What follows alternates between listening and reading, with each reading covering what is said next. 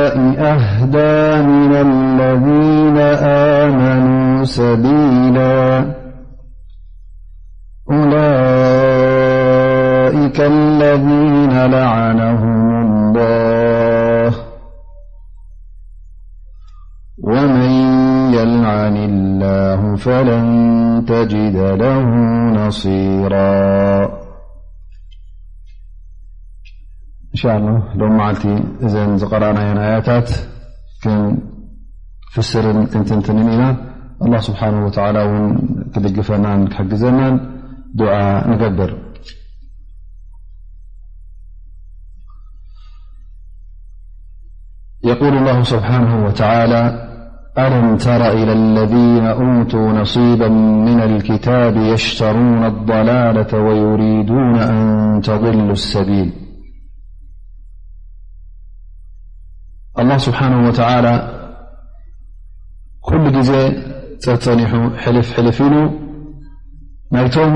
ቅድሜና ዝነበሩ ኣህለል ክታብ ናይ ኣይሁዳውያን ናይ ክርስትያን ናቶም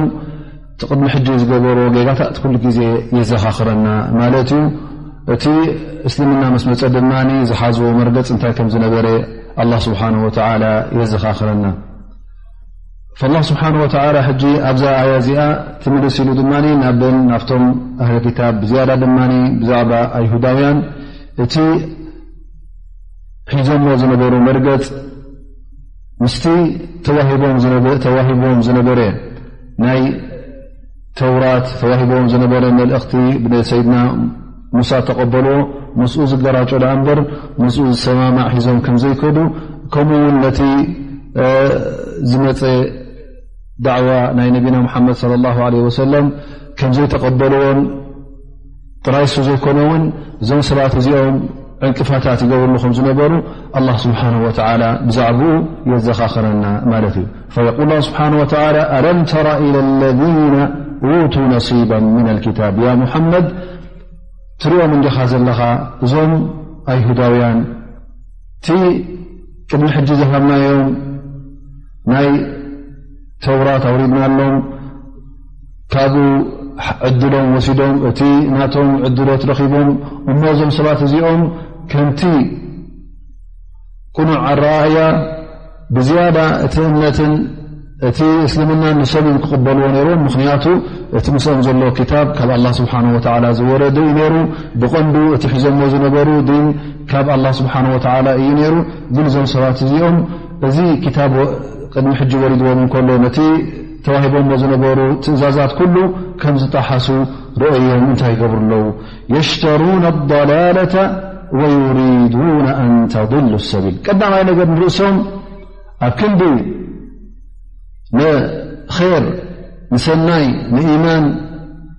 ናብኡ ዝጓዩ ንኡ ኣብ ክንዲ ዝገዝኡ ማለት ዝሃቡ ሂቦም ዋጋ ነብሶም ይኹን ገንዘቦም ይኹን ምእንቲ ኢማን ኣብ ክንዲ ዝጓዩ እዞም ሰባት እዚኦም ነቲ ሓቂ ገዲፎም ንምንታይ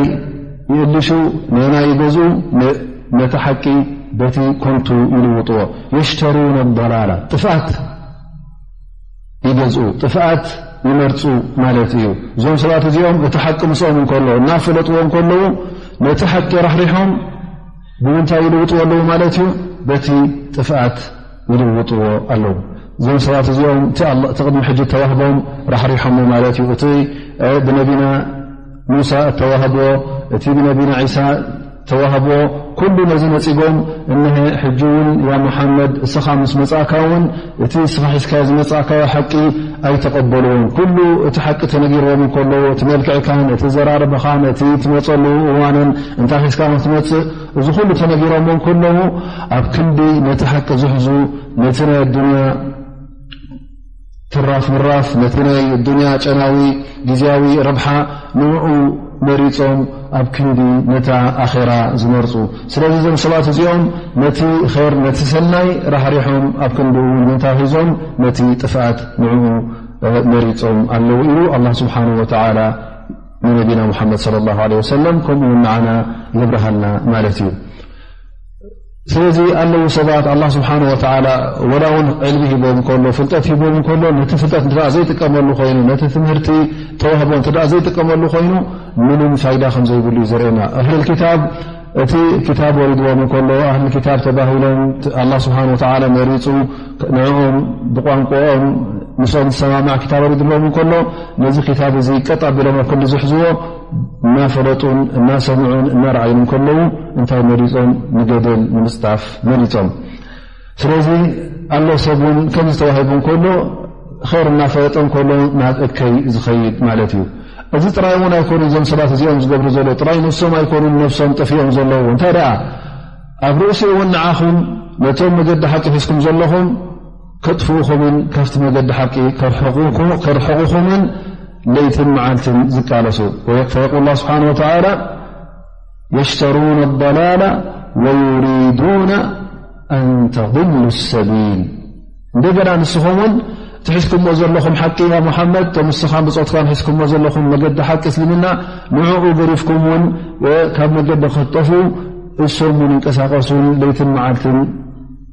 ይፍትኑን ከም ዘለዉ ኣላ ስብሓን ወተላ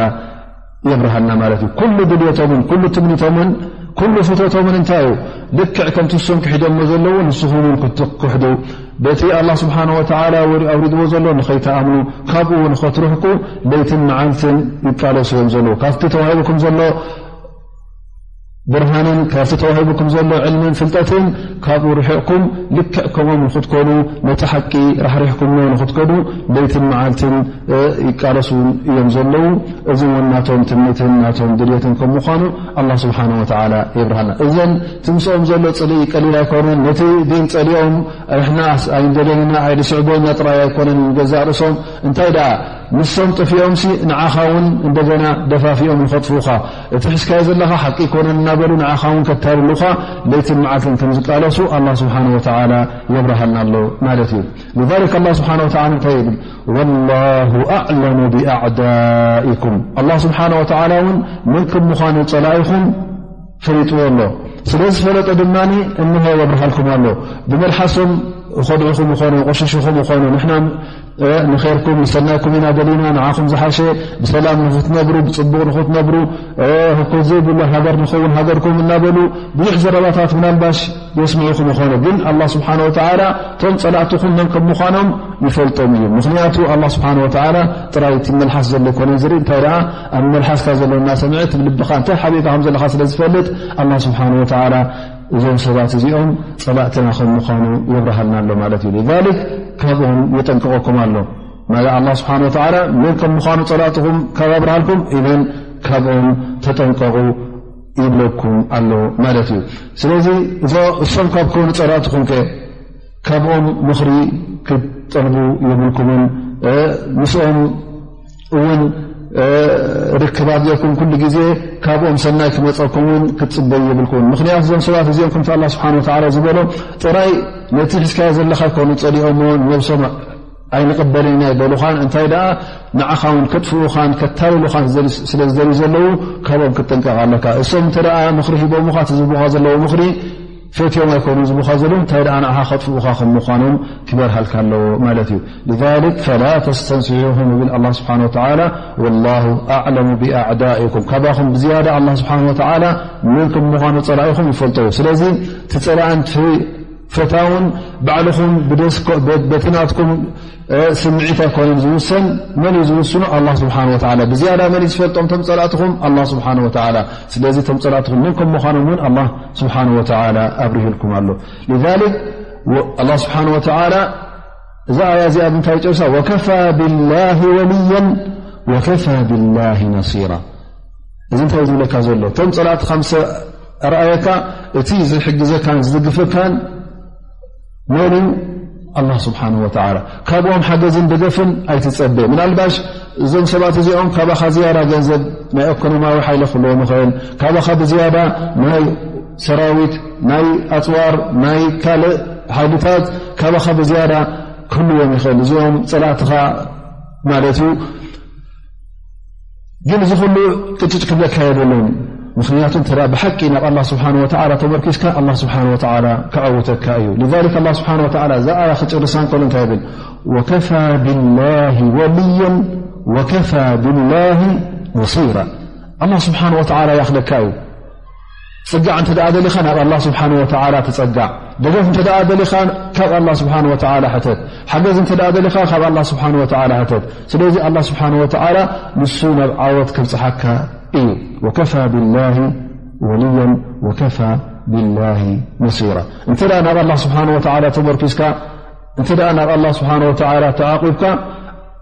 ካብ ኣላ ስብሓን ወተዓላ እውን ብሓቂ እንተ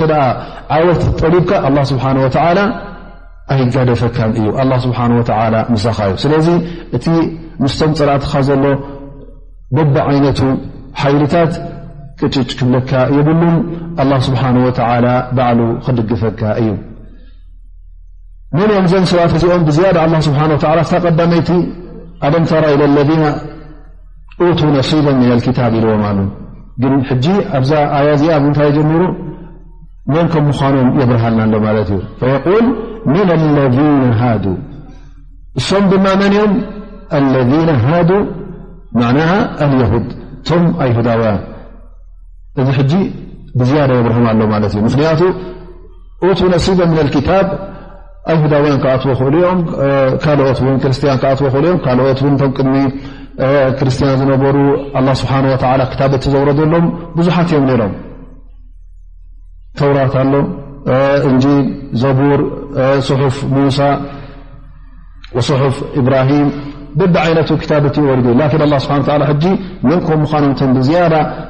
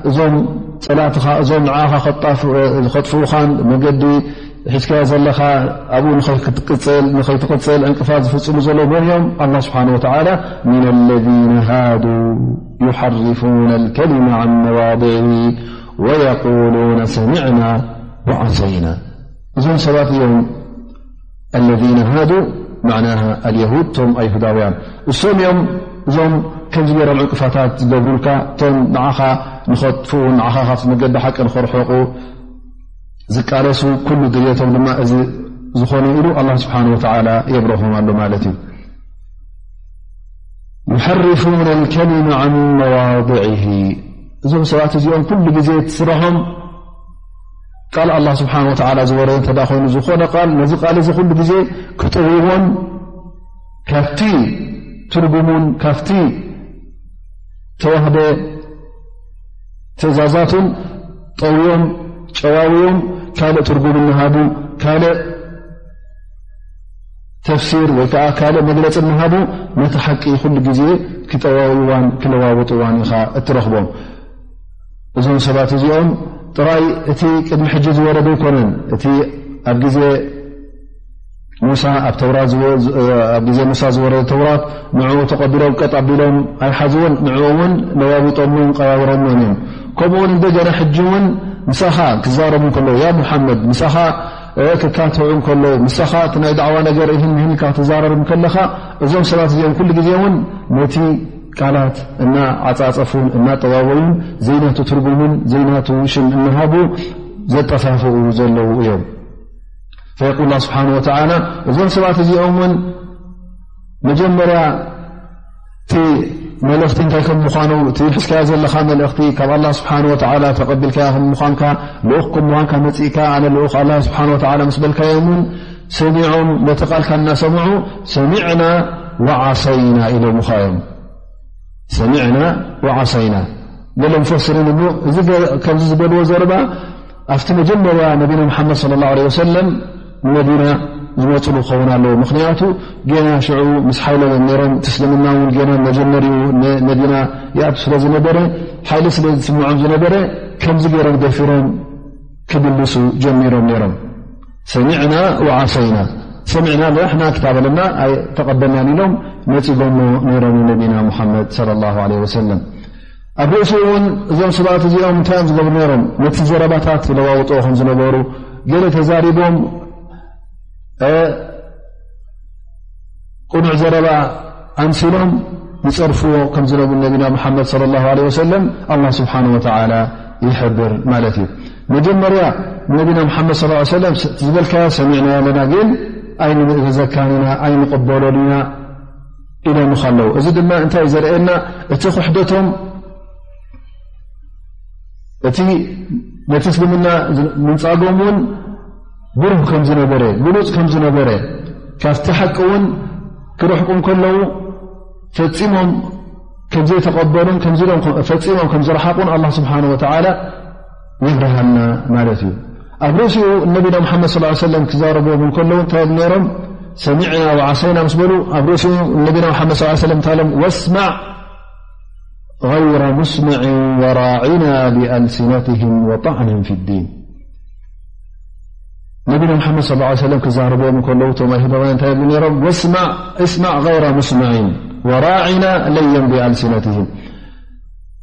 እዛ ዑለማ ክትርጉምዋ ከሎ እንታይ ይብሉ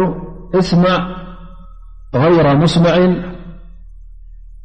ሓንቲ ትርጉም እንታይ ማለት እዩ ካባና ስማዕ ንሕና ግን ካባካ ይንሰምዐን ኢና እዚ ሓደ ትርጉም ሂቦምሉ ማለት እዩ ወይ ካልእ ትርጉም እንታይ ኢሎም እዞም ሰባት እዚኦም ስማዕ ካባና ትንብለካ ዘለና ዳሕራይ እንታይ ይብሉ ብውሽጢ ልቦም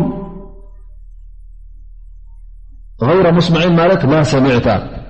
ማለት ስምዓና እሞ መስምዒ ኣይሃፍካ ኢልካ ፀርፎ ሰብ ሕጂ እቲኣ ብልቦም ብዋ ኣብ ቅድሚኦ ክብልዎ ስለ ዘይከኣሉ ወይ እዚ ዘረባ እዚ ፅቡቕ ኣምሲሎም ካልእ ትርጉም ዝሓዘለ እዮም ዝሓስቡ ማለት እስማ غይረ ሙስምዒን ማለት ካባና ስማ እዚ እውን ትእዛዝ ኣይኮነን ይረ ሙስምዒን ማለት ንና ስምዓና ልና ውን ትእዛዝ ኣይኮነን ትእዛዝ ነመሓላልፈልካ ኣለና ማለት ኣይኮነን ኢልካ ትርጉም ዋሃቦ ግን እሶም እንታይ ዮም ዝምይቱ ነይሮም ብማዕና ኣየስምዕካ ማለት እዩ ነሩ ትዘረባ ማለት እዩ ኣየስምዕካ ኣይትስማዕ ኢሎም ነቢና ሙሓመድ صለ ላه ለ ወሰለም እዚኣ ቲ ሓንቲ ፀርፊ ትኸውን ኣብ ርእሲኣ ውን ተካልይቲ ወራዒና እብሉ ነይሮም ማለት እዩ ራዒና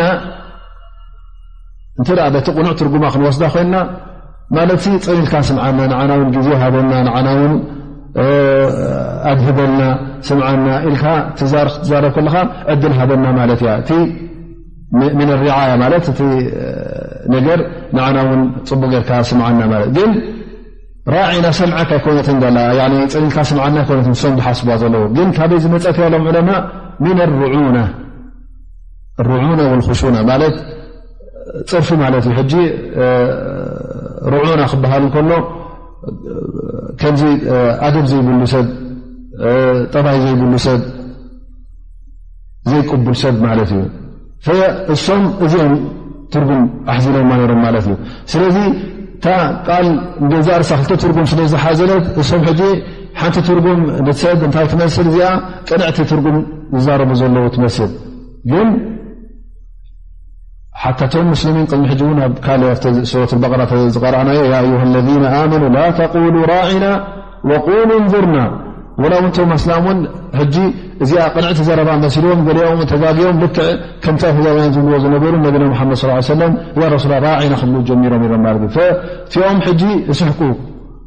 ንሶም ካልእ ስለ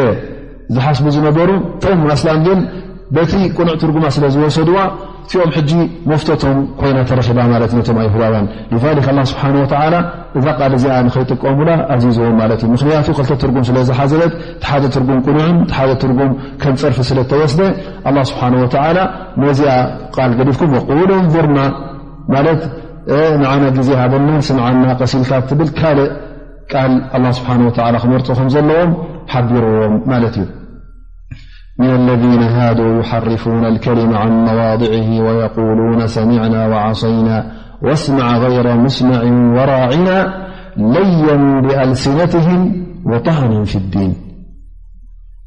እዚ ሕጂ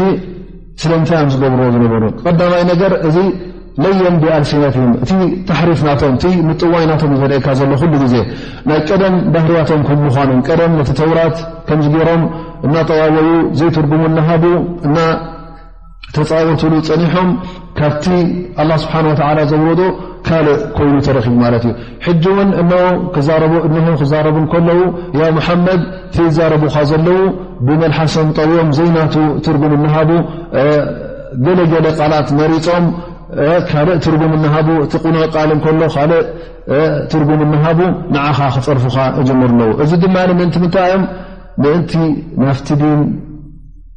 ንኡ ከናሽዉ ነቲ ዲን ከናሽዉ የቁል ስብሓ ላ ለዮም ብኣልሲነትህም ወጣዕንን ፊ ዲን ትቐንዲ ሽቶ እንታይ ዩ ሕጂ ስለምንታይ ብ ነቢና ሓመድ صለ ላه ለ ወሰለም ፀርፍዎ ዘለዉ ስለምንታይ ብ ነቢና ሓመድ ስ ሰለም ብሕማቕ ሽም ዝሰምዎ ዘለዉ ነቲ ዲን ክካፍኡ ስለ ዝደለዩ ነቢና ሓመድ ሰለ ነቢ ከምዘይኮነ ንኸፍልጡ ማለት እቲ ኩሉ ዝገብሮ ዘሎ የናሽዎ እቲ ዝእዛዝ ዝእዞ ዘለዎ የናሽዎ ምእንቲ ነታ ዲን ነታ ሒዞማ ዝመፁ ነቢና ሙሓመድ ለ ላ ሰለም ዲን ንዓኣ ንኸናሽውን ንዓ ንኸናእሱን ማለት እዮም ላኪን ኣላ ስብሓን ወተላ እዞም ሰባት እዚኦም ኣእምሮ ነይርዎ እንተዝኸውን ቁሩብ ዓቃላት ነይሮ እንተትኾኑ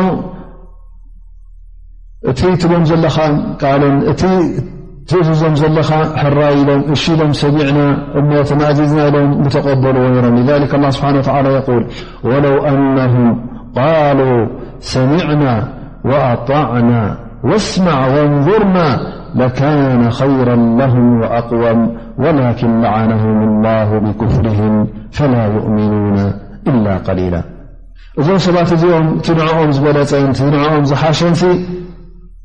ነቲ ካብ ኣላ ስብሓን ወተዓላ ዝመፀ መልእኽቲ ካብ ሰምዕዎ ነዚ ዝሰምዕዎ እዎ ሰሚዕናዮ እሞ ተማእዚዝና ኣለና ቃል ኣላ ስብሓን ወተዓላ ኣብ ግብሪ ንኸነውዕል ተማእዚዝና ኣለና እንትዝብሉ እዚ እቲ ዝሓሸን እቲ ዝበለፀን እዩ ነይሩ። ከምኡ ውን ኣብ ክንዲ ራዕና ወስማዕ غይራ ሙስማዕን ወራዕና ዝብሉ እዚ ናይ ፀርፊ ዝሓዘለ ቃላት ኣብ ክንዲ ዘውፅኡ ስምዓና ኣእዛንካ ሃበና ንሕና ውን ዘረባ ኣለና ኢሎም ቀስ ኢሎም ተትዛረቡኻ ወስማዕ ወንظርና ለካነ ኸይራ ለም ኣቅወም እዚ እቲ ዝቐንዐን እቲ ዝበለፀን መንገዲ እቲ ንመገዲ ኣላን ንመገዲ ጀናን ዝወስዶም እዚ እዩ ነይሩ እቲ ኣላ ስብሓን ወተላ ዝፈትዎ እዚ እዩ ነይሩ ግን እዞም ሰባት እዚኦም ነቲ ነገር እዚ ይገበሩን ነዚ ነገር እዚ ኣይተኽተሉን ምኽንያቱ እዞም ሰባት እዚኦም ኣላ ስብሓን ወተዓላ ካብቲ ራሕመቱ ስለ ዘየርሓቆም ካብቲ ራሕመቱ ስለ ዝሰጎጎም ርጉማት ስለ ዝገበሮም እዞም ሰባት እዚኦም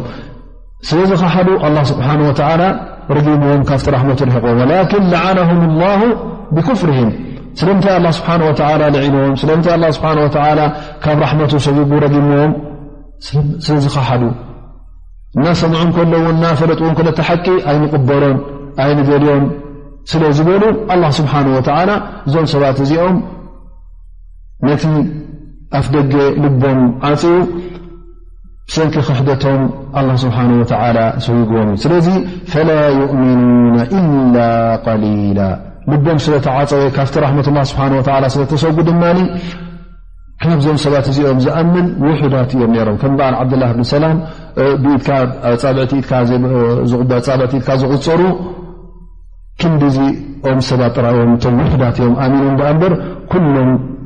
ኣይኣመኑን ወላ ወንቶም ዝኣምኑ ውን ነሮም እንተ ኮይኖም መብዝሕቶም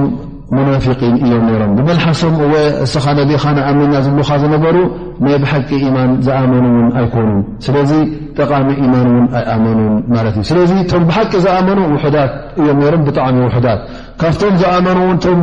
እንተ ርእና እቶም ኣሚና ዝብሉኻ ዘለ ተ ርኢኻ ውን ኣለዉ ካብኣቶም ብሓቂ ቅኑዕ ኢማን ዘይኣመኑ እንታይ ደኣ ንሽም ብመልሓሶም እዮም ኣሚና ዝብሉኻ ዘለዉ ስለዚ ኣላ ስብሓን ወተዓላ እዞም ሰባት እዚኦም ከምዚ ካብ ኮኑስ ተጠንቀቑ ካብኦም እዚኦም ፀላእትኹም እዮም እዚኦም ኩሉ ግዜ ንዓኹም ከጥፍኡን ንዓኹም ከታልሉን እዮም ዝደልዩ ዘለዉ ኢሉ የጠንቀቐና ማለት እዩ ብድሕሪ እዚ ኣላ ስብሓን ወተላ እቲ ፃውዒት እውን ትኽሉ ናብ መን ይሰዶ ናብቶም ኣህል ክታብ ናብቶም ነዚ ፃውዒት እዚ ዝነፅቡ ዘለዉ እንደገና ኣላ ስብሓን ወተላ ፅባሕ ንግሆ ዝመፀና መልእኽቲ የብሉን ዝሰማዕናዮ የብልናን ንኸይብሉ ኣላ ስብሓን ወተላ ነቢና ሙሓመድ ለ ላ ለ ወሰለም ልኢኹ ኣብ ርእሲኡ ድማ ቀጥታ ፃውዒት ናቦም ኣመሓላልፍ እዩ ኣላ ስብሓን ወተላ ልክዕ ከምቲ ንካልኦት ያ ዮሃናስ ኢሉ ዝመሓለፍ ዝነበረ እቲ መልእኽቲ ነቢና ሓመድ ናይ ኩሉ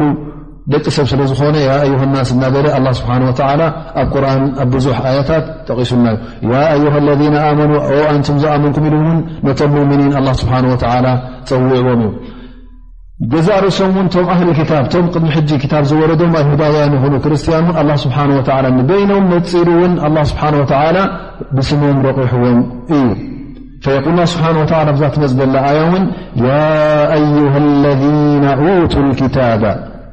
يا أيها الذين أوتوا الكتاب آمنوا بما نزلنا مصدقا لما معكم من قبل أن نطنس وجوها فنردها على أدبارها أو نلعنهم كما لعنا أصحاب السبت وكان أمر الله مفعولا እዚ ፃውዒት እዚ ሕጂ ናብ መኑ ናፍቶም ኣህል ክታብ ኣሚንና ኢና ክታብ ኣለና ካብ ረቢ ዝወረ ካብ ኣላ ዝወረ ክታብ ን ቀጣቢልና ሒዝና ኣለና ን ትብሉ ዘለኹም እሞ ኣንቱም ክታብ ዝወረደኩም ሰባት ንዑ እመኑ ብምንታይ ብነቢና ሓመድ ለ ላ ለ ወሰለም እዚ ክታብ ሒዝኩም መፅ ዘሎ ነቢ ሓመድ ስ ሰለም እመኑሉ ኣሚኑ ብማ ነዘልና በቲ ዘውረድናዮ ክታብ እውን እመኑ እዚ ክታብ እዚ እውን ሓድሽ ነገር ዘይትፈልጥዎ ነገር ኣይኮነን እንታይ ደኣ ነቲ ምሳኹም ዘሎ ንገዛእ ርእሱ ንዕኡ ዘረጋግፅ ንዕኡ ብዝያዳ ዘብርህ እዩ ሙሰድቀን ሊማ ማዓኩም ምክንያቱ እቲ እስልምና ሒዝዎ ዝመፀ ቁርን ሒዝዎ ዝመፀ እንታይ እዩ ነይሩ ኩሉ ነቲ ነቢና ካብ ኩሎም ኣንያኩሎም ኣንቢያ ቅድሚ ሕጂ ዝነበሩ እቶም ኣህል ክታብ ዝፈልጥዎም ማለት እዩ ብዝያዳ ነቢና ሙሳ ሒዝዎ ዝመፀ ተውራት ብዝያዳ ነቢና ዒሳ ሒዝዎ ዝመፀ እንጂል ኣላ ስብሓን ወተላ እሶም ነዚኦም ሒዞም ነይሮም እዚ ቁርን እዚ እውን ንዕኡ ዘረጋግፅ እዩ ቀዳማይ ነገር እቲ ናይ ተውሒድ ነገር ኣላ ስብሓን ወተላ ሓደ ከም ምኳኑ እሱ ከም ዝፈጠረ ንሱ ከም ዝኸለቀን ስለዚ እቲ ኩሉ ኣምልኾት እውን ንዕኡ ክወሃብ ከም ዘለዎ ኣብ ርእሲኡ ብቶም ዝሓለፉ ኣንብያ እቶም ንስኹም ትኣምንሎም ኣንብያ ብኦም ምእማን፣ እቲ ኩሉ ዝሓለፈ ክታብ እቲ ዝወረደ ውን ብሓፈሽኡ ብኡ ንክትኣምን፣ እዚ እቲ ነቢና ሙሓመድ ስ ላ ሰለም ቀንዲታት የመልቅያማ ከም ዘሎ ኣራ ፅባሕ ንግሆ ር ዝገበረ ብሰናይ ዘሕለፋ ህወቱ ኣላ ስብሓን ወላ ሰናይ ፈድዮ ከም ምኳኑ የመልቅያማ ከምኡ ውን በዓል እከይ ኣላ ስብሓን ወላ እከይ ሓዊ ጃሃንም ኣፅኒሕሉ ከምዘሎ ብየመልቅያማ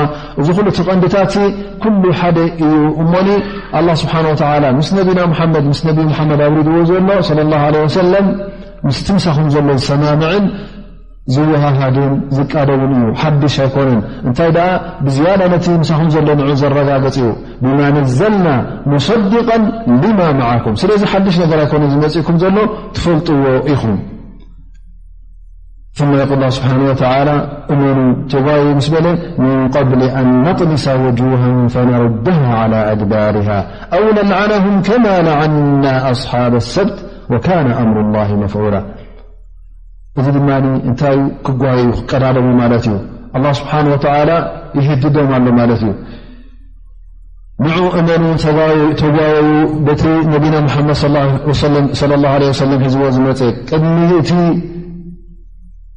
ስቅያት ከይመፀ እንከሎ እዛ ኣያ እዚኣ ምን ቐብሊ ኣን ነጥሚሰ ውጁህን ፈነርድሃ ዓላ ኣድባርሃ ገለ ዑለማ እብሉ እዚ ንተህዲድ ዝመፀ እዩ ወይ ከዓ እዚ እውን ኣብ ዮም ኣልቅያማ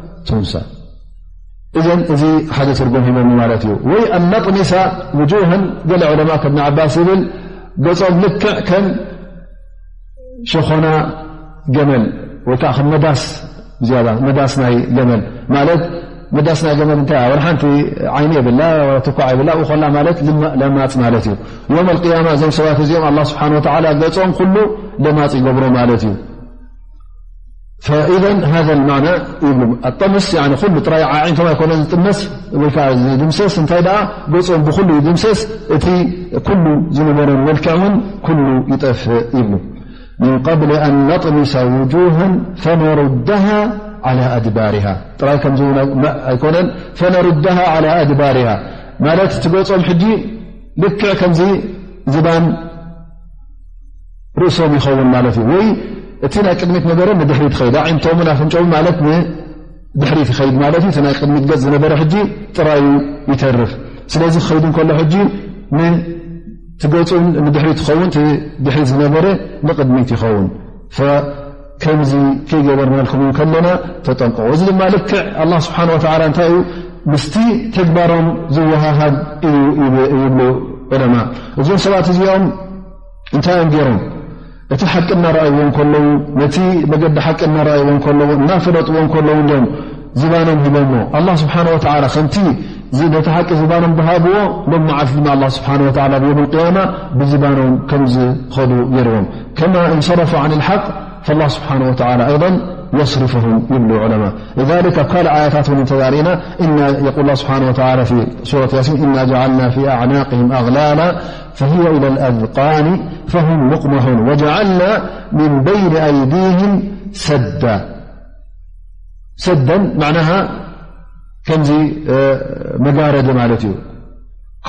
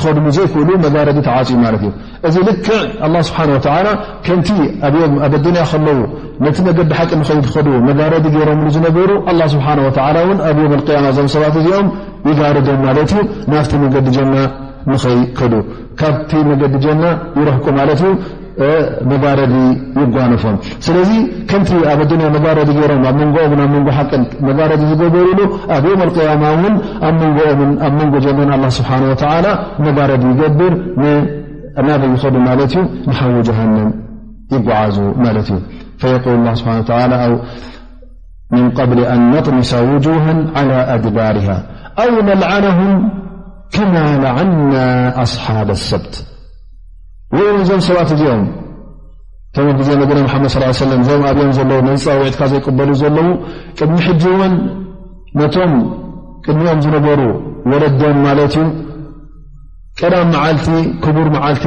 ኢሉ ተኣዚዙ ኣብዚ መዓልቲ እዚ እውን ፈፂሞም ንኸይሰርሑ ተኣዚዞም ነይሮም ግን ዞም ሰባት እዚኦም እንታይ ገይሮም ቀዳም ተኸልኪሎም እቲ ቀዳም ተረኣይዎ ድማ ኣብኡ ስራሕ ዝበዝሓሉ ተን ብዝያዳ ኣብ ምንታይ ነይሩ ኣብቲ ምግፋፍ ዓሳ ነይሩ ማለት እዩ ኣላ ስብሓን ወተዓላ ፈቲንዎም ማለት እዩ ኣብ ፈተና ውዲቕዎም ማለት እዩ ቀዳም ክኸውን ከሎ እዘን ዓሳ ከም ሓመድ ዝመፃ ማለት እዩ ሰንበት ሓሙስ ክኸውን ከሎ ጅምዓት ካልእ መዓልቲ ውሕድ መፅእ ፈንታይ ገሮም እዞም ሰባት እዚኦም ቀዳም ተኸልኪሎም ም ስራሕ ክሰርሑ ይክእሉ እዮም ተረኣይዎ ድማ ቀዳም እቲ ዓሳብ ብዝሒ ዝርከበሉ መዓልቲ ኮይኑ ፈንታይ ገሮም ኢሎም ላስ ሕና ሰንበት ቀዳም ኣይንሰርሕ ኢና እንታይ ኣ ንግበር ለይቲ ምሸት ጅምዓት ሰኪዐቶም ዘሎ ገለመለ ኩሉ ኣፃውዶሞ ኸኑ ማለት እዩ ቀዳማይ ዝሰርሕ ን ጠብዓ እሶም ዝሰርሑ ኣለዎም ግን እታ መፃወዲት ዝገበርዋ ታሬተ ትሰርሕ እያ ዘላ ትእክብ እያ ዘላ ምሉእ መዓልቲ ቀዳም ተኣኪቡ ፅባሒቱ ሰንበት መፂኦም ተንተኣከባ ሕጂ እንታይ ብልካ ሕና ቀዳም ዘይ ሰራሕና ኣኽቢሮም ውዒሎም ማለት እዩ እዚ ሕጂ እንታይ እዩ ንምትላል ዝገበርዎ ንኣላ ስብሓ ወላ ዘታልዎ ዘለዎ መሲልዎም ላ ስብሓ ነዚ ምስ ገበሩ እዞም ሰብት እዚኦም ኣላ ስብሓ ወላ ንዒንዎም ካብቲ ራሕመቱ ኣርሒቕዎም እሞ እዞም ሰባት እዚኦም ምስ ረሓቆም ውን ምስ ለዓኖም ከማን ኣላ ስብሓን ወተላ እዞም ሰባት እዚኦም ገሊኦም ቀረዳ ወገሊኦም ኮይናዚር እውን ኣላ ስብሓን ወተላ ቀይርዎም እዩ ስለዚ የጠንቅቆም ኣለ ነዞም ኣብ ግዜ ነቢና መሓመድ ለ ላ ለ ሰለም ዘለዉ ኣይሁዳውያን እውን ልክዕ ከምቶም ኣስሓብ ሰብት ኣብታ ቀዳም መዓልቲ ተጋገዩ ልክዕ ከምኦም ውን ከይንቐፅዓኩም ተጠንቀቑ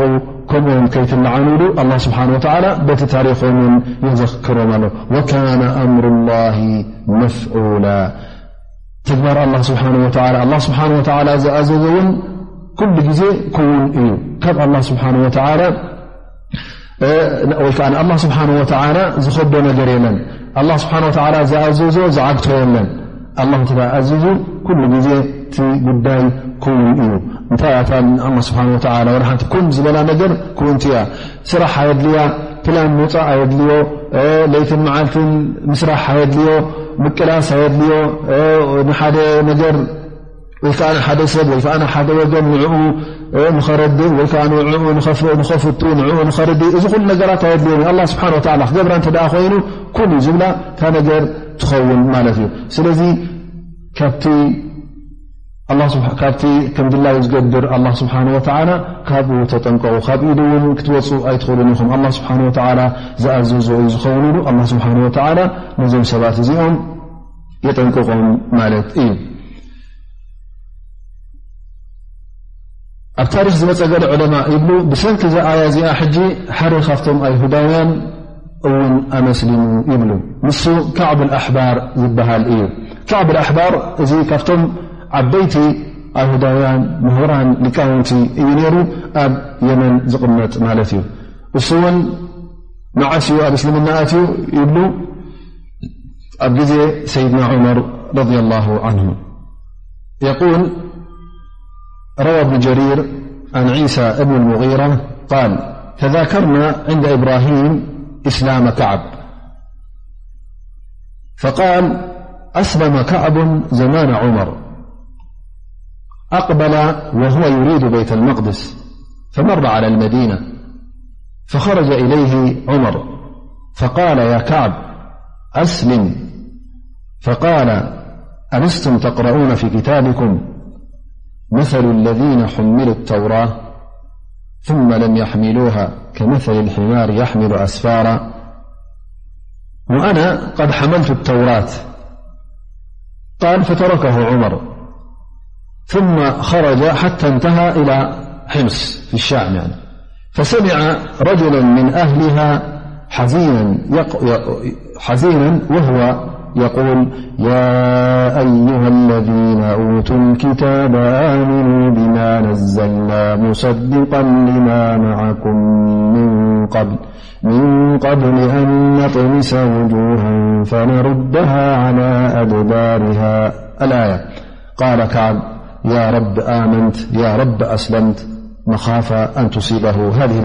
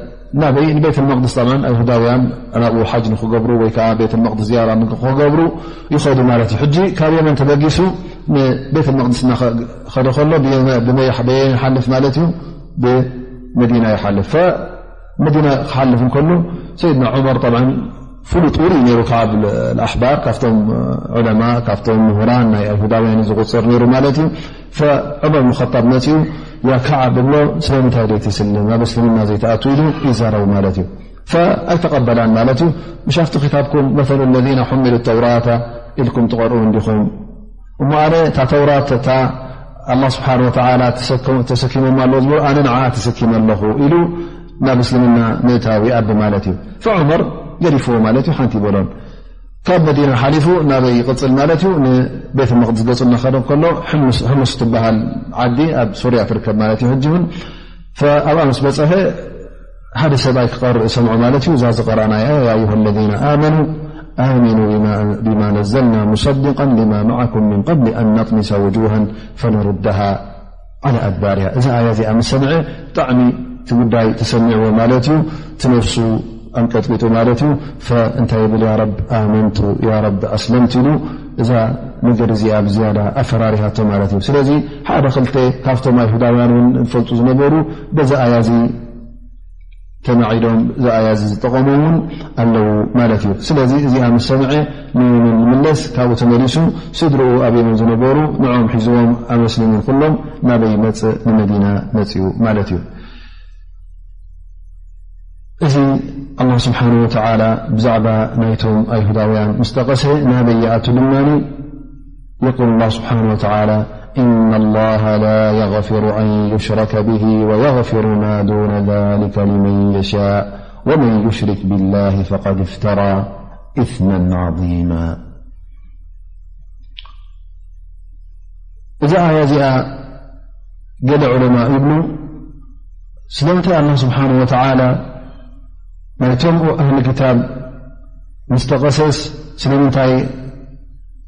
ኣላ ስብሓን ወተላ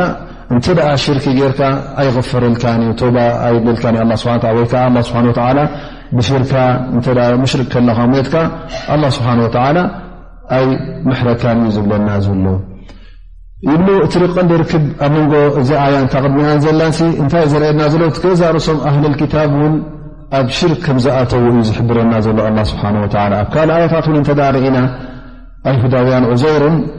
እንታይ ኢሎም እብኑላ ወነሳራ እንታይ ኢሎም ኣልመሲሕ እብኑላ ስለዚ እሶም እውን ትጥፍኣቶም ክሕደት ጥራይ ኣይኮነን እንታይ ኣ ኣብ ሽርክ እውን ጥራይ ነቢና ስ ላ ሰለም ምንፃግ ኣይኮነን እንታይ ደኣ ሙሽርኪን እውን ኮይኖም እዮም ካብቲ ቐንዲ ክታቦም ካብቲ ኣላ ስብሓን ወላ ዘውረዶ እውን ካብኡ ከም ዘላገሱ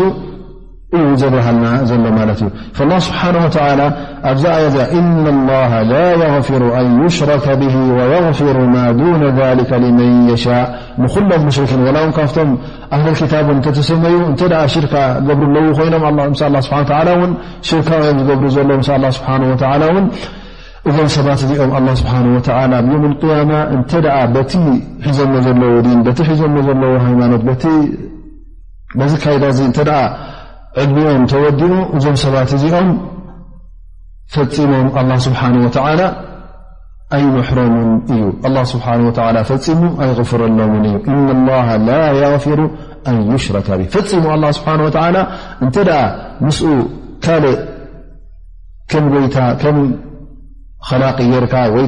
ርእኻ ወይ ከዓ ልክ ከም ነቲ ንኣላ ስብሓን ወተላ ክወሃብ ዝግበኦ ኣምልኾት እንተ ንካልእ ትህብ ርካ ኮይንካ ምስ ኣላ ኮይኑ ወይ ከዓ ነቲ ካል ንበይ እተ ትህብ ርካ ኮይንካ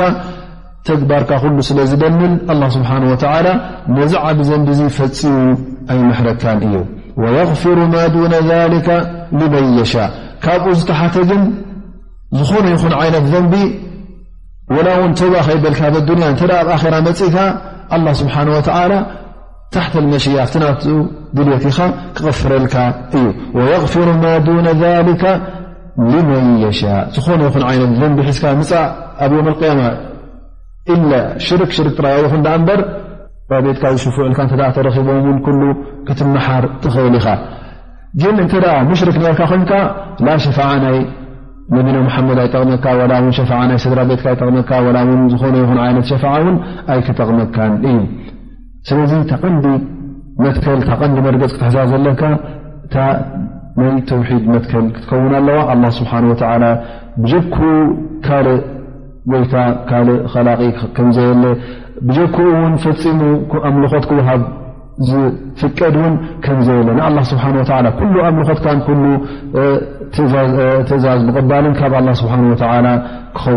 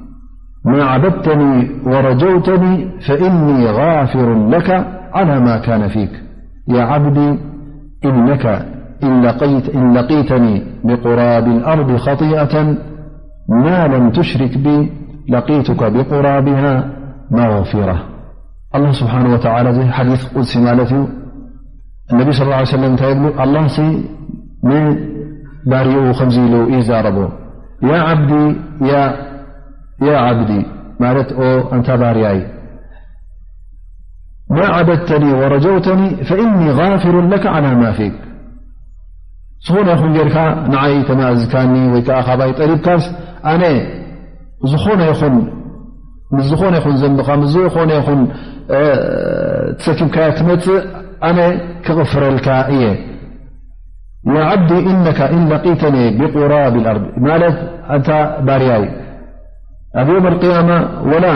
ክንዲ እዛ መሬት እዚኣ ኩላ ዘንብታት መሊእካ ምፃኒ ድኣ እምበር እንተ ደኣ ምሳይ ካልእ ሽርካ ዘይትገብር ነርካ ኮይንካ ኣነ እውን ኣብ ዮም ኣልቅያማ ልክ ንክንዱ መቕፊራ ክመፅኤ ኩሉ ክቕፍረልካ ኢሉ ኣላ ስብሓን ወተላ ኣብ ዮም ኣልቅያማ ከምዚ ገይሩ እውን ከምዝምሕረካ ኣላ ስብሓን ወላ ንባሪኡ ከምዚ ኢሉ ተዛሪቦ እዩ ይብሉ ነቢና ሙሓመድ ለ ላ ሰለም الإمام أحمد أيض فيحديث خر عن أبي ذر قال أتيت رسول الله صلى الله عليه وسلم فقال ما من عبد قال لا إله إلا الله ثم مات على ذلك إلا دخل الجنة قلت وإن زنى وإن سرق قال وإن زنى وإن سرق ثلاثا ثم قال في الرابعة على رغم أنف أبي ذر قال فخرج أبو ذر وهو يجر إيزاره وهو يقول وإن رغم أنف أبي ذر إذا حديث ነቢ صለ ላه ለ ወሰለም ይብሉ ዝኾነ ይኹን ባርያ እንተ ደኣ ላኢላሃ ኢላ ላ እዩ ሒዙ ዘዛ ቐንዲ ናይ ተውሒድ ቃል ሒዙ መወሕድ ኮይኑ እንተ ደኣ ሞይቱስ መደምድምትኡ ንጀና እዩ ዝኣቱ ኢሉ ኢሎም ነቢና ሙሓመድ ስለ ላ ሰለም ተዛሪቦም ማለት እዩ ኣቡዘር ተገሪሙ ያ ረሱላ ላ ወኢን ዘና ወኢን ሰራቅ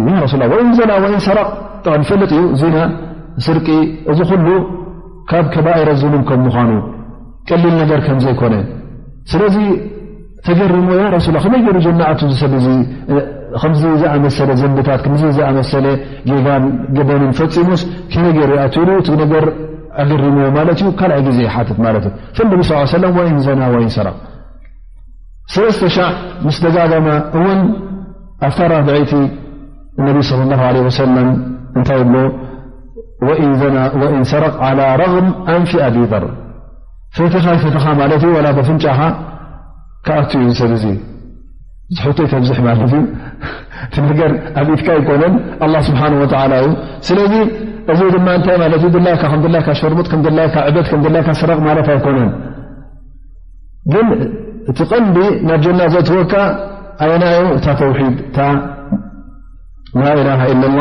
እሳ ኣብ መንጎ ክሕደትን ኣብ መንጎ እምነትን ትፈላልየካ ማለት እዩ እንተ ካብኣ ናፃ ወፅእካ ክፍቲ ናይ ሽርኪ ናፃ ወፅእካ ብድሕሪኡ ዘሎ ዝቕፈር ነገር ስለ ዝኾነ ክምሓር ስለ ዝኽእል ኣላ ስብሓን ወተዓላ ባዕሉ ብርዳናቱ ፍተቱ ክምሕረካ ከም ዝከኣል ወይ እውን እንተ ደኣ እዚ ገበናት ጌርካ እውን መጨረሽታኻን ጀና ከም ምዃኑ ወላ እውን እንተ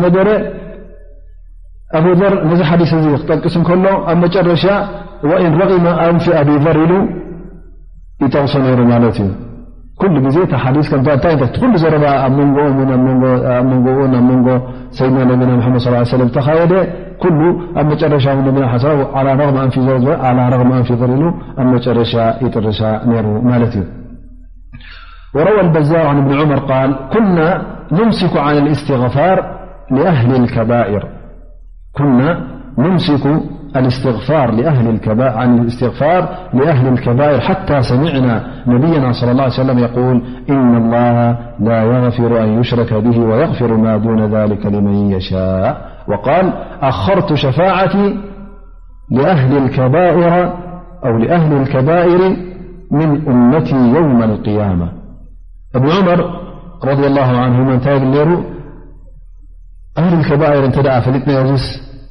ሓደ በዓል መስተ ሰክራን ወይ ከዓ ዘናዊ ብዝሙዋ ዝፍለጥ ወይ ከዓ ብስርቂ ብገለ ብከምስታት ዝኣመሰለ ዓበይቲ ዘንብታት ዝገብር ዝነበረ እተ ንፈልጦ ነርና ኮይና ምስ ሞተ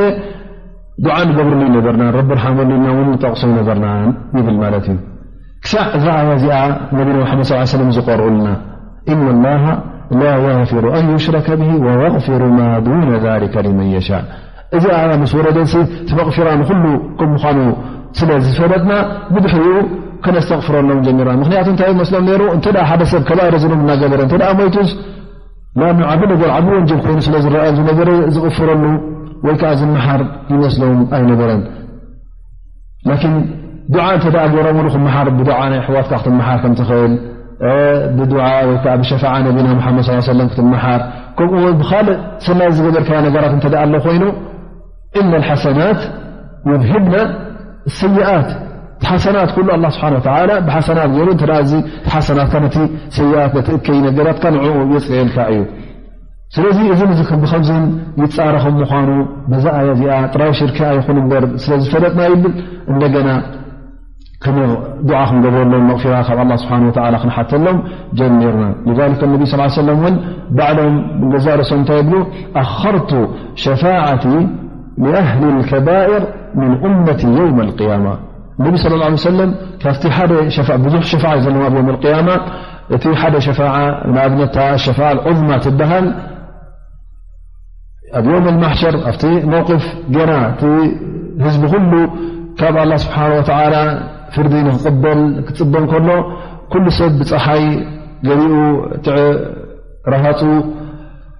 ኣብ ዓንቀሩ ወይ ከዓ ገሊኡ ኣብ ሰለፉ ገሊኡ ኣብ እግሩ ኣብ ክርክርኡ በፂሑ እንከሎ ሽዑኡ ሰብ ዕቂቕ እናበለት ከላ ኣብዚ ሰዓት እዚ ሸፋዓ ዑዝማ ትበሃል ንኩሉ ፍጡር ዘብኡ ንኩሉ ወዲ ሰብ ነቢና ሓመድ ለ ላ ለ ሰለም እዚኣ ኣብዛ ቦታ እዚኣ ንኩሉ ይሽፍዕሉ ማለት እዩ ብድሕሪኡ ድማ ኣለዎም ካልእ ሸፋዓ ሓደ ሸፋዓ እንታይ እዩ ንኣህሊ ልከባይር ነቶም ኣብ ኣዱንያ ላኢላ ለላ እናበሉ ሓመድ ረሱሉላ ብነቢና ሓመድ ሰለም ኣሚኖም ልኡክ ከም ምኳኑ ከምኡ ውን ላኢላ ላ እንበሉ ኣ ስብሓ ሓደ ከም ምኑ ርእሲኡ ሽርካ ዘይገበረሉ ምስ ኣላ ስብሓ ወ እዞም ሰባት እዚኦም እንተ ከባኢረ ኖም ዝፍፅሙ ነሮም ኮይኖም ነቢና ሓመድ ለ ላ ለ ሰለም እዞም ሰባት እዚኦም ይሽፍዓሎም ካብ ኣላ ስብሓ ወ ምሕረት ንክወርዶም ኣ ስብሓ ወ ንክምሕሮም ይጠልብ እሞ ስብሓ ወ ሸፋዓ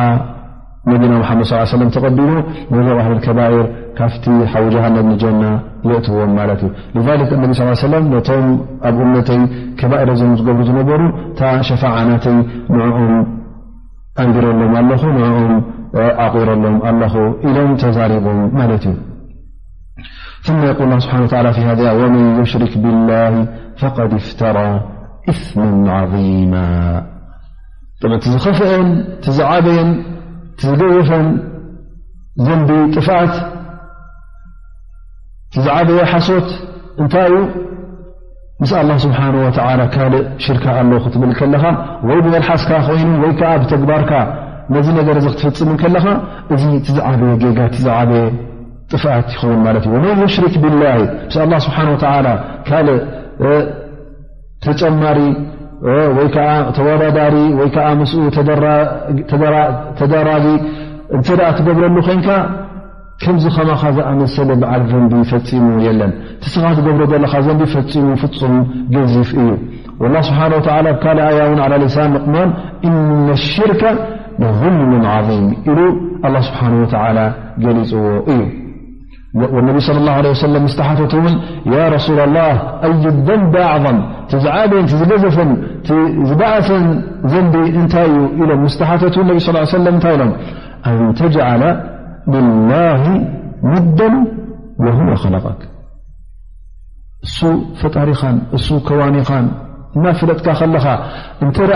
ምስ ካልኣይ ተወዳዳሪ ጌርካ ሎ ኒግ እንተ ጌርካ ሎ ልክዕ ከም ኣላ ስብሓን ወላ ተዳረጎ እንትሪኦ እተ ኣሎ ኮይኑ እዚ ትዝበኣሰን ዝኸፍዐን ትዝዓበየን ዘንብ ኢሎም ነቢና ሙሓመድ ለ ላ ለ ወሰለም ተኺሶሞ ኢሎም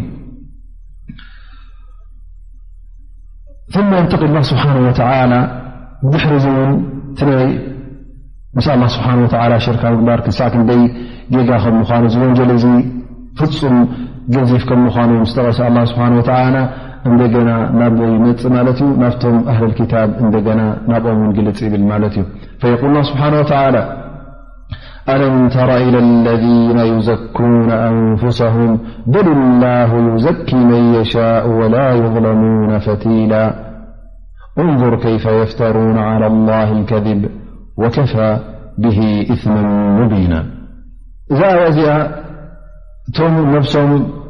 ንሕና ብሉፃት ኢና ንሕና ዝበለፀ ዲና ኣለና ንሕና ጎይታና ፈትወና እዩ ዝብሉ ዘለዉ ንዕኦም ትወቅስ ማለት እዩ ኣለም ተራ ሙሓመድ ኢለ ለذነ ዩዘኩነ ኣንፍሰም እቶም ነብሶም ላዕሊ ዝሰዱ ዘለዉ ንነብሶም ብዝያዳ ክቡራትን ልኡላትን ገሮም ዝጠቕስዋ ዘለዉ እዞም ሰባት እዚኦም ትሪኦም እንዲኻ ደለኻ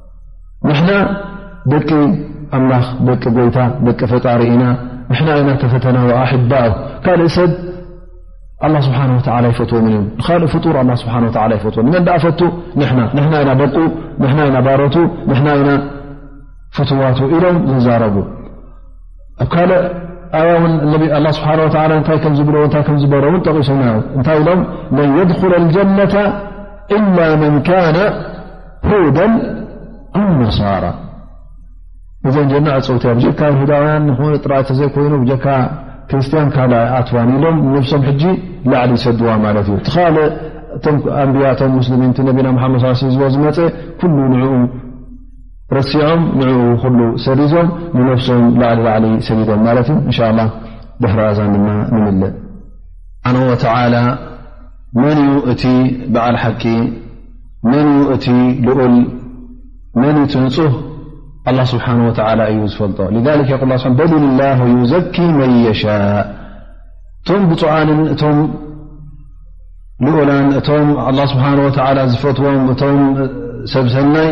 መን እዩ ዝውስኖም ኣላ ስብሓን ወተላ እዩ ዝውስኖም ዳኣ እምበር ዝኾነ ይኹም ሰብ ኣነ ብሉፅ ኣነ ከማ ዝኣመሰለ የለን ክብልሲ ኣይክእልን እዩ እዞም ሰባት እዚኦም ዝብልዎ ዘለዉውን ሓቂ ኣይኮነን እንታይ ኣ ባዕሎም ቦግ ኣቢሎም ሓስዮም ዝዛረብዎ ዘለዉ እዩ ላ ስብሓን ወላ ይብል በል ላ ዩዘኪ መን የሻእ እቶም ንፁሃን ክትገብሮም ዝደልየ መን እዩ ኣላ ስብሓን ወላ እዩ መን ከም ምዃኖም ዝፈልጦም መን ከም ምዃኑ እውን ባዕሉ እዩ ዝውስኖም ኣላ ስብሓን ወላ ዝደልዮም እሶም እዮም ንፁሃንን ብሉፃንን ዝኾኑ ኣብ ኣዱንያ ይኹን ኣብ ዮም ኣልቅያማ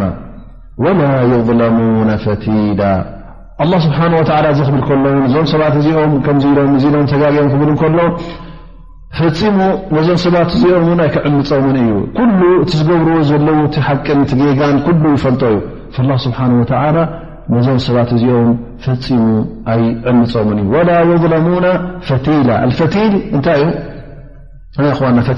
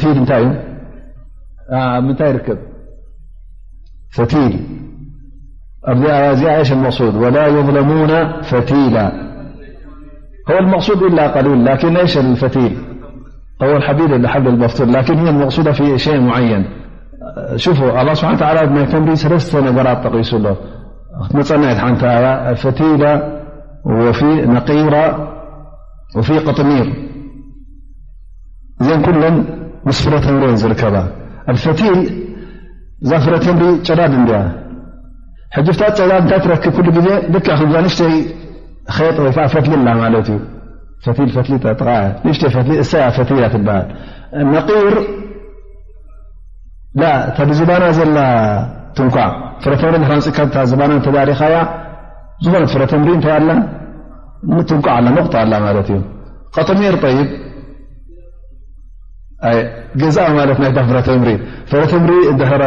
ብስስቲ ዝኾነ ትሪያ ግን ንቕፅ ዝበለ ተምሪ እዚካ በላሕ ዝነቐፀ ተሪኢኻ ታፍረ ምንታይ ትሸፊና ዝፀንሓካ ብረቂቕ መሸፈኒ ኣለዋ ማለት እዩ እዚኣ ሕጂ ቅጥሚር ትበሃል ሰለስተ ነገራት ሕ ዘንኩለን ኣብ ቁርን ኣለዋ ማለት እዩ ላ ስብሓን ላ እዚኣ ወላ የድረሙና ፈቲላ ወላ ክዚ ፈ እዚኣ ታ ናይ ተምሪ ትርከብ ክንዳኣ እንተ ሰናይ ነገር ዝገበርዋ ኣሎ ኮይና ኣላ ስብሓን ወተዓላ ከፅንሓለዎም እዩ ስለዚ ፈፂሙ ከምዘይዕምፆም ኣላ ስብሓን ወተዓላ የብርሃልና ማለት እዩ እንር ከይፈ የፍተሩን ዓላ ላ ልከሊብ ኣላ ስብሓን ወላ ርእዮም እዞም ሰባት እዚኦም ሓያ ዘይብሎም ስድታት ማለት እዩ ከበይ ክሳዕ ክንደይ ንኣላ ስብሓን ወተዓላ ዘይብሎ ዘይበሎን ዘይገበሮን ኣላ ስብሓን ወተላ ንዓና ይፈትወና ዩ ዘይፈትዎም ከሎ ይፈትወና ዩ ደይደቁ ከሎ ንና ደቁ ኢና ይብሉ ለን ተመሰለ ናሩ ኢላ ኣያመን ማዕዱዳ ፈፂማ ተ ሓዊ ጃሃነ ክንኣት ኮይናስ ንውሱናት መዓልቲ ኢና ንኣ እበር ኣባስ ዓይናኣት ናይ ነብርና ዶም ይዛረቡ ኩሉ ግዜ ነቲ ናይ ኣቦታቶም ዝነበረ እቶም ኣቦታቶም ኣብ ግዜ ሰይድና ሙሳ ዝነበርዎ ኣብ ግዜ ሰይድና ስለይማን ዝነበሩ ንሶም ብፁዓን ሶም ሰብ ር ነሮም ንኦም ሪኦም ንብኦም ትፀጊዖም ንሕና ደቆም ስለ ዝኾና ኩሉ ግዜ ከምኦም ክንከውን ኢና ደቂ ኣምላኽ ኢና ደ ጎይታ ኢሎም ወላ ሶም ዝገበሩ ተገበሩ ወላ ካ ተውሒድ ይውፅኡ ወላካ ናብ ክሕደት ገፆም ይስገሩ ነብሶም ከምዚ ገይሮም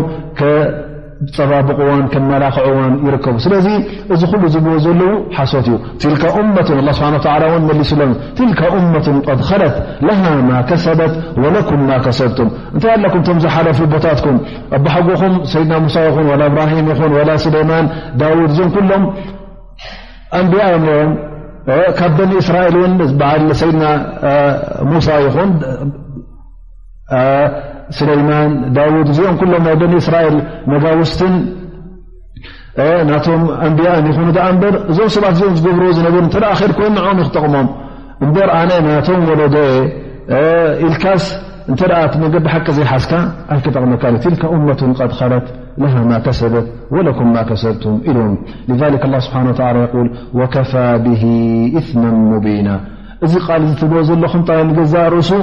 እንሱ ይኣክል እዚ ዘንቢ ትገብርዎ ዘለኹም እዛ ቃል ትብልዋ ዘለኹም እዛ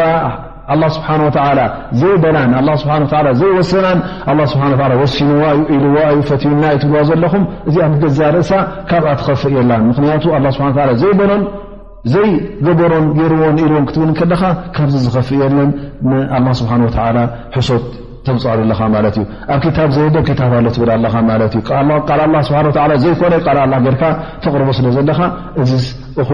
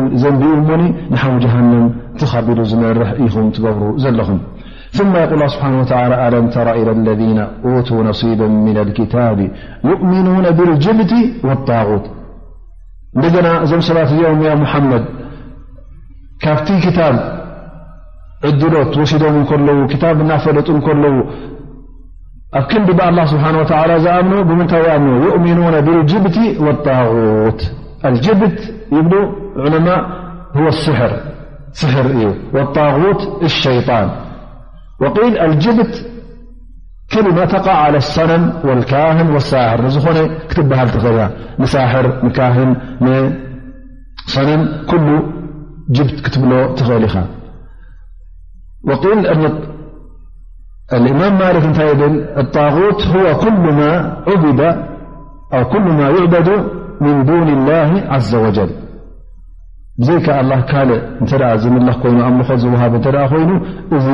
ጣغት እዩ ይብሉ ቃል ሙጃህድ ጣغት ሸይጣን ፊ ሱረት እንሳን ካኑ የተሓከሙና ኢለይ ሸይጣን ከሉ ሰብ ተመሲሉ ዝመፅእ እሱ እዩ ጣغት ላ ኩ ሓል ተቐንዲ ነገር እንታይ እዩ እዞም ሰባት እዚኦም ካብቲ ኢማን ወፂኦም በቲ ናይ ሽርክን በቲ ናይ ስሕርን በቲ ናይ ክሕደትን ናብኡ ፅግዑ ከም ዝነበሩ እቲ ኢማኖም ናብ ከም ዝዘንበረ ኣላ ስብሓን ወተላ የብርሃልና ማለት እዩ እዚ ጥራይ ኣይኮነ ዞም ሰባት እዚኦም እቲ ተግባሮም ክሳዕ ክንደይ እከይ ከም ዝነበሩ እውን ኣላ ስብሓን ወተላ የብርሃልና ማለት እዩ ፈየል ወየቁሉነ ልለذነ ከፈሩ ሃኡላይ ኣህዳ ምና ለذነ ኣመኑ ሰቢላ እዞም ሰባት እዚኦም እቲ ሓቂ እናፈለጡ ከለዉ ኣብ ክንዲ እቲ ሓቂ ምስ መን ከም ዘሎ ብሓቂ ዝፈርዱ ነቶም ካሓቲ ንስኹም ኢኹም ኣብ ቁኑዕ መንገዲ ዘለኹም ነቶም ሙሽርኪን ንስኹም ኢኹም ኣብ ቁኑዕ መገዲ ዘለኹም ካብ መሓመድን ብፆትን ንስኹም ትበልፁ ኢሎም ይዛረቡ ነይሮም እዚ ድማ እንታይ ዘርእየካ እቲ ናቶም ጥፍኣት ጥራይ ነብሶም ዘይኮነስ ንካልእ ሰብን ከም ዘጥፍኡ ነቶም ሙእምኒን ጥራይ ምጥፋእ ዘይኮነ ዋላ ውን ነቶም ሙሽርኪን ኣብቲ ሽርክ ዘለዎ ኣ ጥፍኣት ዘለዉ ናብኡ ክቅፅሉ እዮም ዝደልዎም ማለት እዩ ፍም ይፈድሉን ንመን ዘብልፁ ማለት እዩ ነቲ ክሕደት ናይ ሙሽርኪን ካብቲ ናይ ኢማን ናይ ሙስሊሚን ንዑ ኣብሊፆም የቕርብዎ ማለት እዩ ጃ ሕወይ እብኒ ኣክጣብ እዚኦም ቶም ዓበይቲ ግዜ ንብና ስ ካብቶም ኣይሁዳውያን ማለት እዮም ሕወይ እብኒ ኣክጣብ ወካዕ ብን ኣሽረፍ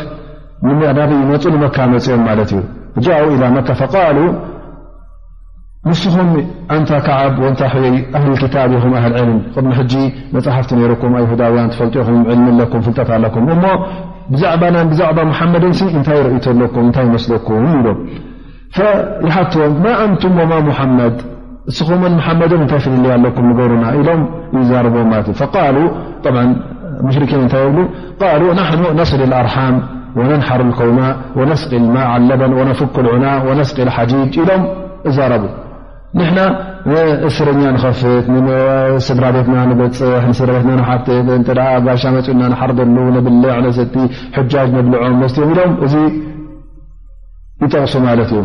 ሙሓመድ ግን ነቲ ኣብ መንጎና ዝነበረ ራሒም ሕውነት ዝነበረ ንኡ ቆራሪፁልና ንኡ ተኸተሉ እውን ብጀካቶም ስኦልካ ሰዓሊግቶም ሰረቕቲ ዝነበሩ እቶም ኣብ ህብረተሰብ ንፁጋት ዝነበሩ ንሶም እዮም ተኸቲሎሞ ዘለዉ እሞ መና ይሓይሽ እስኪ ፍረዱና ኢሎም ተዛሪቦም እንታይ ኢሎም ኣንቱም ኸይሩ ኣህዳ ሰቢላ ንስኹ በር ትበልፁ ካብ መሓመድ እዚ ካብ ኮነ ኢሎም ይምልሱ ማለት እዩ ላ ስብሓን ወተላ እዚ ተግባር እዚ ዓብ ወንጀል ከምዝነበረ ዓብ ጌጋ ከምዝነበረ ኣላ ስብሓን ወላ ኣብዚ ይጠቕሶ ማለት እዩ እዞም ሰባት እዚኦም ካብቲ መልእኽቲ ላ ስብሓ ወላ ዕድል ተዋሂቦም ከለዉ መልእኽቲ ወሪድዎም ከሎ እዞም ሰባት እዚኦም ነቶም ክሓቲ ነቶም መገዲ ተጋግም ዘለዉ ነቶም ሙሽርኪን ካብቶም ሙእምኒን ካብቶም ሙስልሚን ኣብሊጾም ይርእዎ ንስኹም ውን ኣብ ቁኑዕ ኢኹም ዘለኹም ካብ ሙሓመድ ካብቶም ሙእምኒን ንስኹም ትሕሽዉ ኢሎም ይነግሮም ذ ه ስብሓ ላይከ ለذነ ለዓነሁም ላህ ወመን የልዓኒ ላሁ ፈለን ተጅደ ለ ነሲራ እዞም ሰባት እዚኦም እዞም ከምዚ ኢሎም ዝውስኑ እዞም ከምዝኣመሰለ ፍርዲ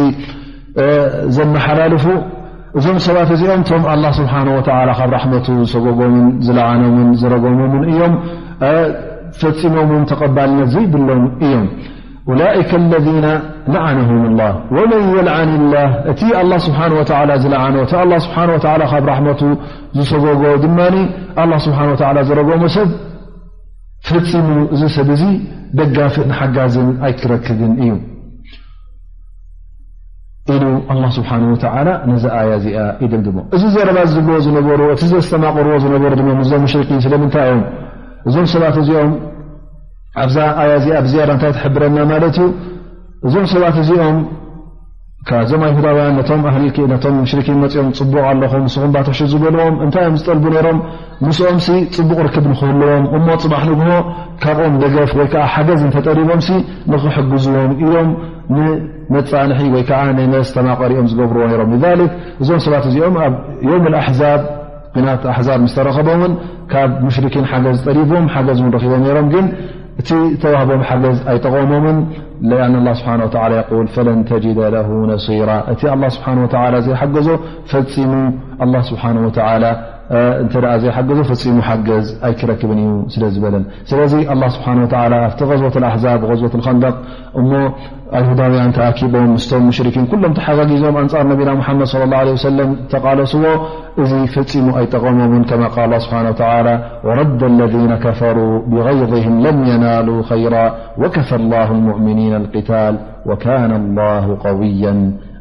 ዓዚዛ ኢሉ ኣላ ስብሓን ወተዓላ እቲ ሓሲቦሞ ዝነበሩ ደገፍን እቲ ሓሲቦሞ ዝነበሩ ዓወትን ከይረኸብዎ